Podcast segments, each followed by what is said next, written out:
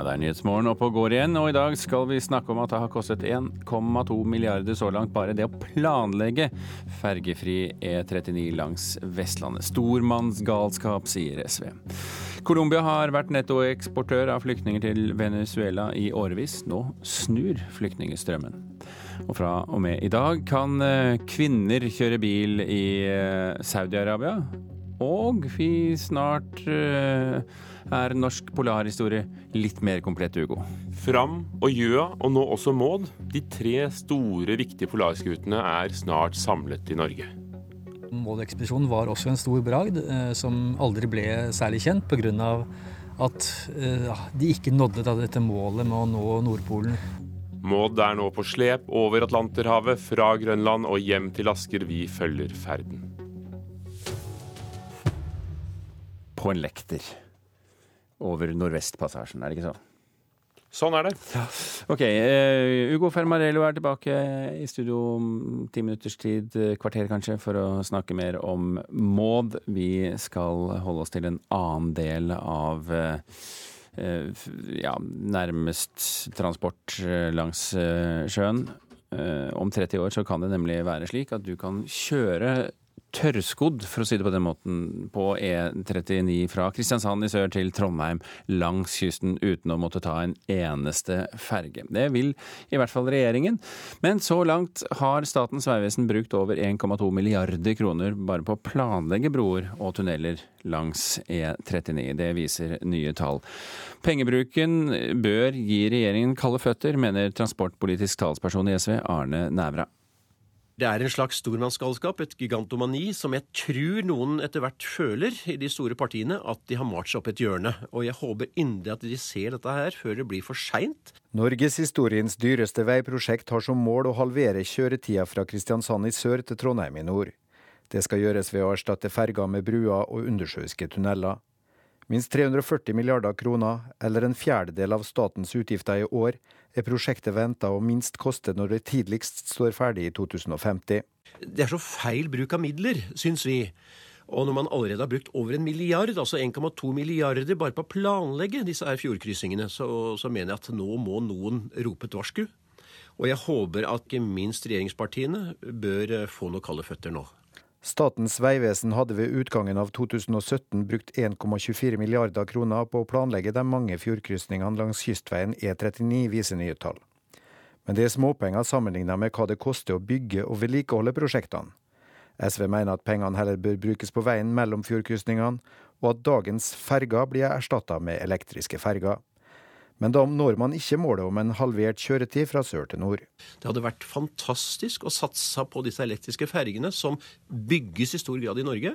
Norges Lastebileierforbund er sterkt imot undersjøiske tunneler, fordi at konsekvensene ved ulykker kan bli så enorme.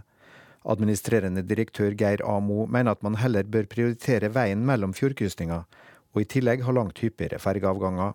Imens kan man utvikle teknologiske bruløsninger til en pris man kan leve med. Hvis du øker ferjekapasiteten til, til 20 minutters ferjer, som er fullt mulig, så uh, tilsier det at du får en, en ventetid på ca. 11 minutter. Og det kan man fint leve med. Men samferdselsminister Ketil Solvik-Olsen har liten sans for SVs argumentasjon om at planleggingskostnadene er så høye. Det er mye dyrere å planlegge de store jernbaneutbyggingene, sier han. Det er ikke hodeløs bruk av penger. Dette er utgifter som en har brukt åtte år på, og det gjelder åtte fjordkryssinger. Så hvis en ser på pengebruk per år per fjordkryssing, så er det veldig lite. Setter en dog opp i et perspektiv mot f.eks. jernbaneutbygging, som vi vet SV er veldig for, så er altså eh, jernbaneplanlegging av intercity rundt Oslo tre ganger større.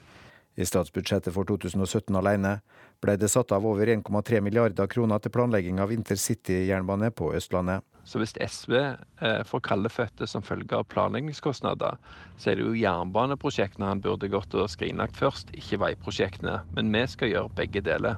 Vi skal ta i bruk elferje mange steder. og Vi holder òg på å utvikle hydrogenferje. Men mange av de prosjektene der vi ønsker å bygge bru eller tunnel, så handler det om å ha døgnåpen trafikk. Ketil Solvik-Olsen til reporter Johan B. Sette.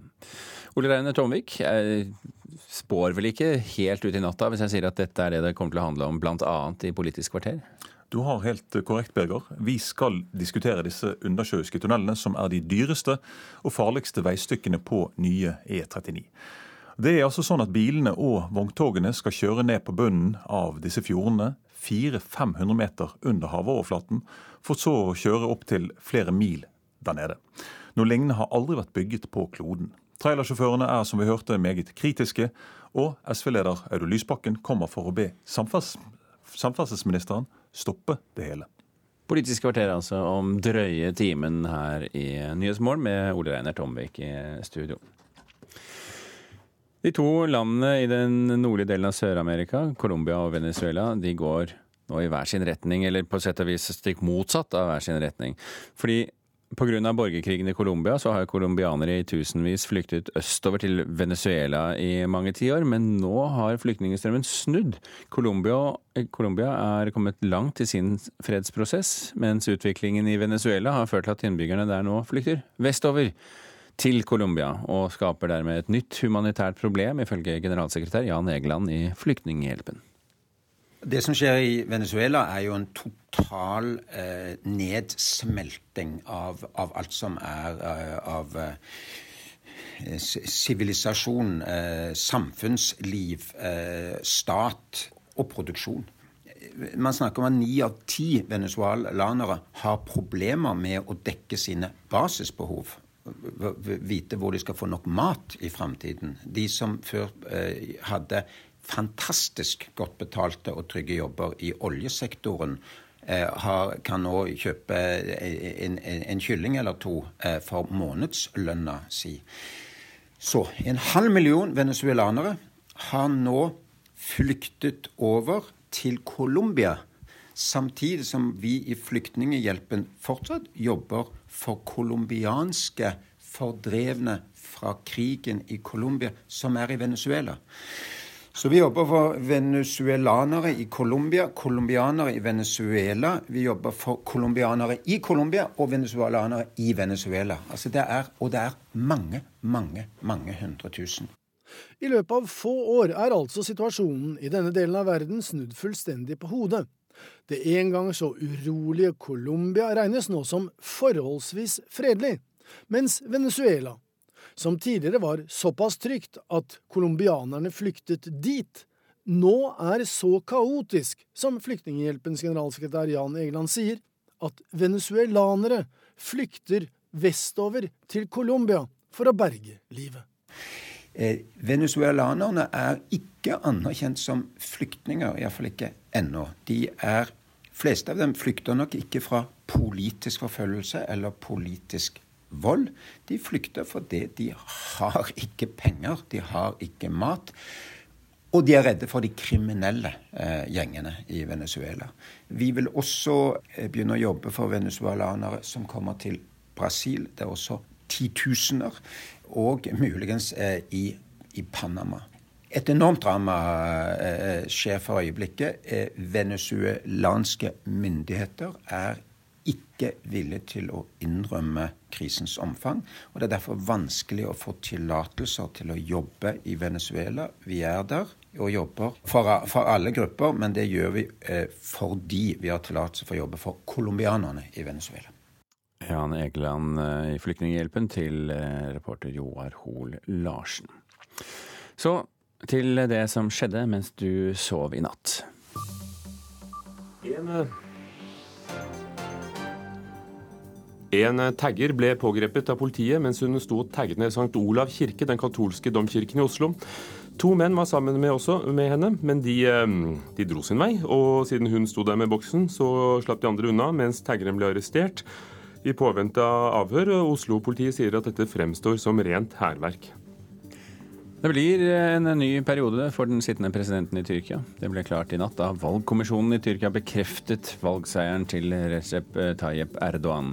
Med 52,5% av stemmene i første valgrunde, så blir det heller ingen annen valgrunde i dette valget heller. Og det var en svært fornøyd og selvsikker president som snakket til sine tilhengere i natt. Med et oppmøte på nær 90 har Tyrkia lært verden en lekse i demokrati, sa han. Letemannskapene fant de to turistene i natt som hadde gått seg bort ved fjellet Merraflestinden nord for Moskenes i Lofoten. Da de ble funnet, var de nedkjølt. De hadde gått seg bort pga. tåke og manglende lokalkunnskap. Og dette er noe av det som skjer i dag, som vi i NRK Nyheter kommer til å være opptatt av.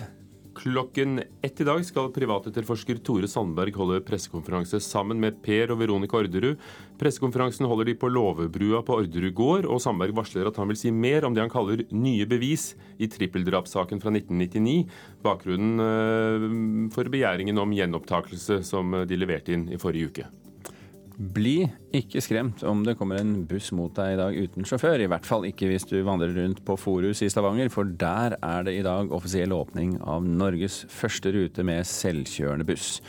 Fra i dag til og med desember skal bussen gå en forhåndsprogrammert rute og testes ut som et tiltak for å frakte pendlere den første og siste kilometeren av reisen.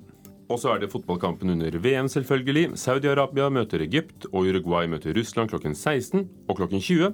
Iran mot Portugal, mens Spania møter Marokko.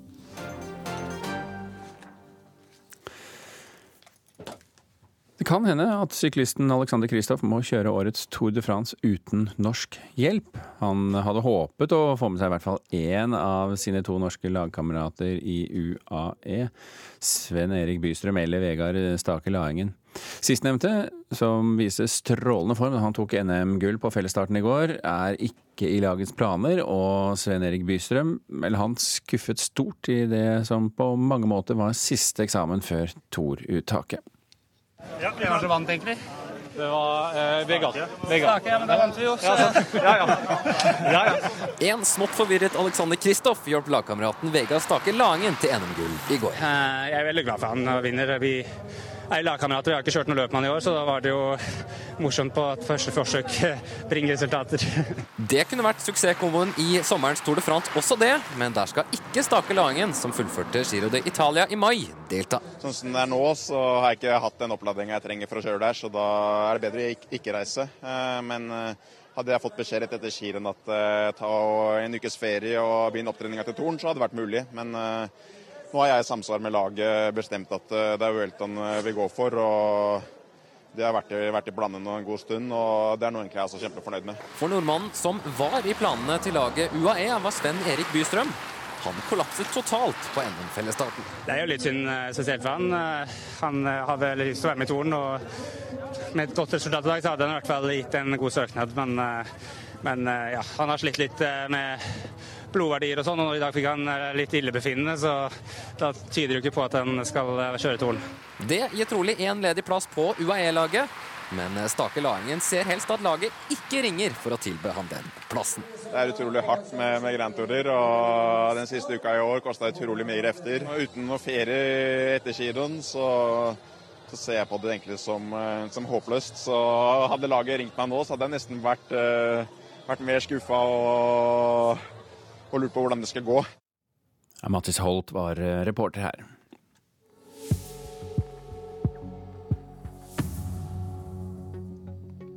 «0646» kaller vi det klokka står på nå, og du hører på Nyhetsmorgen. Toppsakene våre i dag er at det har kostet eh, 1,2 milliarder så langt bare det å planlegge fergefri E39 langs Vestlandet. Stormannsgalskap, sier SV. Colombia har vært nettoeksportør av flyktninger til Venezuela i årevis. Nå snur flyktningstrømmen. Og Tyrkias president ble gjenvalgt i går, men opposisjonen mener han jukset seg til seier. I går fikk saudiarabiske kvinner offisielt lov til å sette seg bak rattet og kjøre. Saudi-Arabia har lenge vært det eneste landet i verden der kvinner ikke kunne kjøre bil. Men nå er den tiden altså forbi. Men dette skjer samtidig med at flere kvinnerettighetsaktivister er satt i fengsel. Så Midtøsten-korrespondent Kristin Solberg, hva er reaksjonene på alt dette som skjer nå blant saudiarabiske kvinner? Det som skjer med at de får lov til å sette seg bak rattet, det er noe som eh, kvinner i Saudi-Arabia har ventet veldig lenge på, og som de er glade for at endelig skjer. Eh, Det var mange som satte, ventet til like etter midnatt i går for å kunne sette seg bak rattet for første gang bare i de første minuttene der de offisielt fikk lov til det. Eh, Mange ble vinket til fra gata gatene eller fra andre sjåfører som, som, viste sin støtte til at de endelig var på veiene. Men likevel så er dette altså todelt. Eh, det har vært flere arrestasjoner av kvinnerettighetsaktivister den siste tiden, bl.a. av noen av dem som har kjempet for, for retten til, til, å kjøre i, i flere tiår. Så det kaster jo da utvilsomt en skygge over, eh, over eh, det hele. Men, men denne det, dette, at dette skjer akkurat nå, eh, Kristin eh, Solberg, eh, har det noe med at det har vært en stor utfordring for landet at kvinner ikke har kunnet kjøre bil? Ja, det er klart. Altså, det har vært en utfordring både for, for kvinnene selv, men også for, eh, for økonomien i, i landet.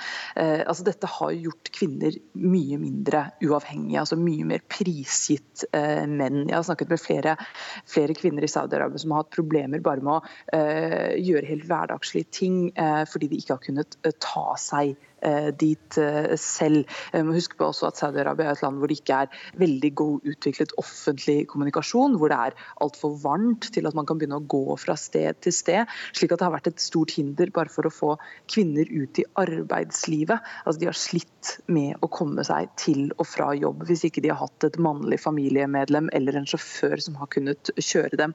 Og Det har vært en utfordring for landet også. Eh, nå har jo myndighetene et mål om å få flere kvinner inn i, eller ut i arbeidslivet. Eh, og nettopp det med transport til og fra jobb har vært en av utfordringene som har gjort det vanskelig. Men rent formelt, Kristin, så kunne de vel, eh, altså de, de saudi-arabiske myndighetene gjort noe med dette for lenge siden. Hva, hva er grunnen til at de gjør det akkurat nå? Eh, ja, dette er jo en del av av mange sosiale og økonomiske reformer som, som pågår nå. Altså Bl.a. som jeg nevnte, eh, reformen eh, eller målet om å få flere kvinner ut i arbeidslivet. Og Det har noe med eh, økonomiske reformer som har som, som mål for å få landet bort fra oljeavhengigheten. Dette er jo en økonomi som er svært svært avhengig av, av, olje, og det forsøker myndighetene å gjøre noe med. Um, og Samtidig så har jo dette vært, dette har jo vært dårlig PR for Saudi-Arabia internasjonalt. Altså, det har vært mye fokus på det internasjonalt om at Saudi-Arabia er det eneste landet i verden hvor ikke kvinner kan kjøre. Uh, så dette med at kvinner som kjører er jo blitt en, en symbolsak. Um, og, og, vi ser jo at kronprins, uh, kronprins Mohammed bin Salman, som, som de facto styrer Saudi-Arabia nå, Han forsøker å, å, å fremstå internasjonalt som, som eh, en reformvennlig, eh, ung, dynamisk eh, leder. Og dette er jo en del av det. Men samtidig som vi ser disse reformene som pågår i Saudi-Arabia, så har det vært på, på den andre siden en, en ganske klar forminskning av, av, ytringsfrihetsrommet og det politiske rommet. Vi ser at meningsmotstandere, kritikere, har blitt hardt slått ned på og arrestert arrestert, og deriblant da mange Nei, altså, For først må vi arrestere deg på det. Det kan jo ikke være sånn at eh, det er feil å lage et godt barnehagetilbud fordi vi har et arbeidsliv som kjører folk for hardt.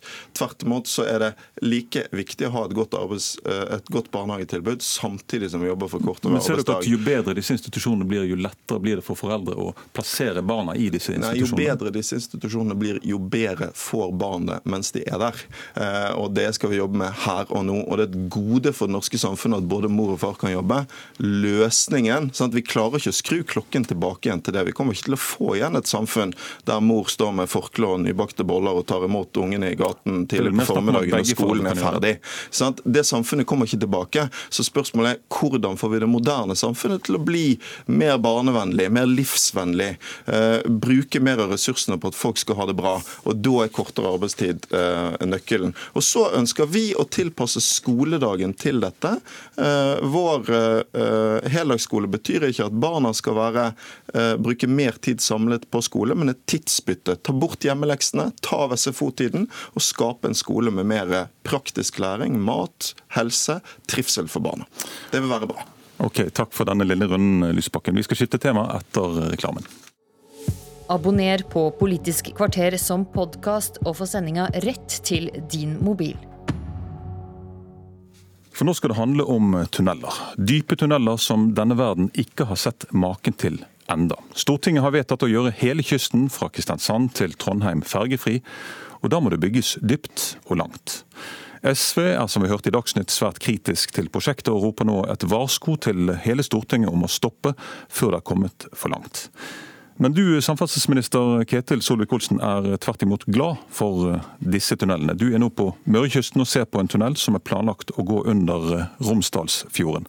Hvor dypt og hvor langt skal denne gå? Vi er glad i prosjektet som handler om å knytte sammen eh, Kristiansand og Trondheim med minst mulig ferje. Det betyr ikke bare tunneler, det betyr òg mye bruer. Det viktigste er jo å se på hva dette kan gjøre for landet vårt, hva det kan gjøre for næringsliv og bo- og arbeidsregioner. Og Det å få eh, fastlandsforbindelse, skulle jeg nesten sagt, det å kunne krysse fjordene uten å være avhengig av, av at ferja går, men at du kan gjøre det akkurat når det passer deg, det har vi sett har gitt enormt positive effekter der vi har gjort det. Og Derfor ønsker vi at vi skal gjøre mer av det. Vi blir ikke kvitt alle ferjer i dette landet, men der det er veldig mye trafikk og veldig mye næringsperspektiv, så er det viktig å gjøre det ferjefritt. Solvik-Olsen, Du skal nå få høre trailersjåførenes fremste tillitsmann i Norge, Geir Mo, hva han sier om disse tunnelene. Han leder altså Norges Lastebileieres Forbund, og de vil heller prioritere broer der det er mulig, og ellers bedre veiene på landjorden. Vår holdning er jo å bygge veien mellom fjordene først. Og det er utrolig mange plasser man kan bruke penger på E39 for å lage en mye bedre vei. Og Begynn der, og la teknologien arbeide i forhold til enda bedre og billigere teknologi for å krysse fjordene på andre måter enn med undersjøiske tunneler. Og, og øk ferjekapasiteten. Hvis du øker ferjekapasiteten til, til 20 minutters ferjer, som er fullt mulig, så uh, tilsier det at du får en, en ventetid på ca. 11 minutter. Og det kan man fint leve med. Gemo, dette tror jeg er første gang jeg hører en, en sjef for trailersjåførene i Norge som tar til orde for fergebruk. Nei, det er ikke første gang du hører. fordi at NLF har meint dette lenge. Og, og, vi har god støtte i egen organisasjon for å være imot undersjøiske tunneler. Vi har hatt ulykker i Oslofjordtunnelen med branner. Vi har Skatestraumen i friskt minne, og vi har hatt ulykker i andre tunneler. Man kan spekulere hva som hadde skjedd i noen av de ulykkene hvis det f.eks. hadde vært en buss full av skoleunger eller en buss full av, av pensjonister eller andre for den saks skyld, rett bak de vogntogene som har tatt fyr. Det ville ha blitt store katastrofer. Og det er det vi må unngå. Det er det perspektivet NLF er imot. Og det er derfor vi er imot undersjøiske tunneler, fordi katastrofepotensialet er så stort som det er. Solvik-Olsen, klar melding fra trailersjåførene her. Hva sier du, sier du til dem? For det første så sier jo han òg at han ønsker å ha ferjefritt når, når, hvis han får velge bru, sånn at vi jobber for de samme målene. Og så er, er diskusjonen er det noen steder der rett og slett strekningene er så værutsatt, sånn som her jeg er nå på Kråkenes fyr. Så ville jeg nødig kjørt over et, en fjordkryssing når jeg ser hvor mye det blåser på en selv fin dag. Da blir kjøretøyet ditt svært utsatt for vindkast. Noen steder vil det være tryggere med tunneler. Men målsettingen vår er jo at dette er jo noe som vil ta mange år å gjennomføre. At det jobbes iherdig hos Statens vegvesen og mange entreprenører med for å utvikle bedre flytebroteknologi. Så nøyaktig hvordan en skal krysse mange av de fjordene er ikke helt beslutta. Men vi er i gang å bygge Rogfast. Det vil være en lang tunnel fra Stavanger-området til Haugesundsområdet. og det, det, er utenkelig at det vil kunne være ei bru der de neste 100 årene. Det er for lang strekning og for værutsatt. Okay. Lysbakken, hva tenker du om disse tunnelene? Jeg tenker at Samferdselsministeren bør ta kritikken på veldig stort alvor. Det er enda en grunn til å trekke nødbremsen når det gjelder dette gigantprosjektet. Fergefri E39 er ikke den riktige visjonen for Vestlandet. Det vil koste kolossalt med penger. Det vil ha disse sikkerhetsutfordringene, det vil ha miljøutfordringer. Og Den største utfordringen på Vestlandet i dag er alle de dårlige veiene vi har. Jeg er helt enig med Germo. La oss begynne med å utbedre de.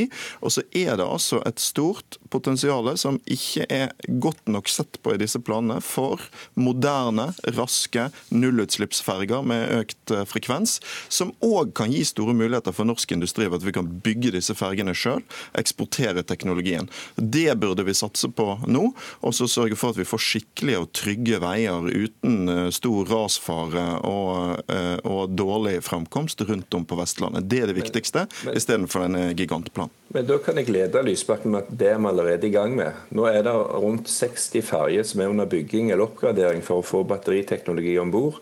Vi er i gang med å ta igjen et vedlikeholdsetterslep som har bygd seg opp over mange tiår. Når Lysbakken satt i regjering, så forfalt veiene.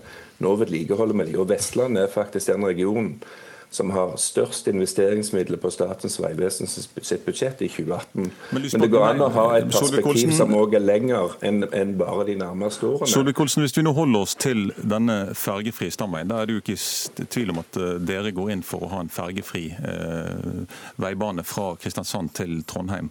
Når du hører Geir Mo snakke om både faresignalene her, og at faktisk trailersjåførene er innstilt på å ta ferge hvis man øker hyppigheten, hvordan har dere vurdert dette i departementet?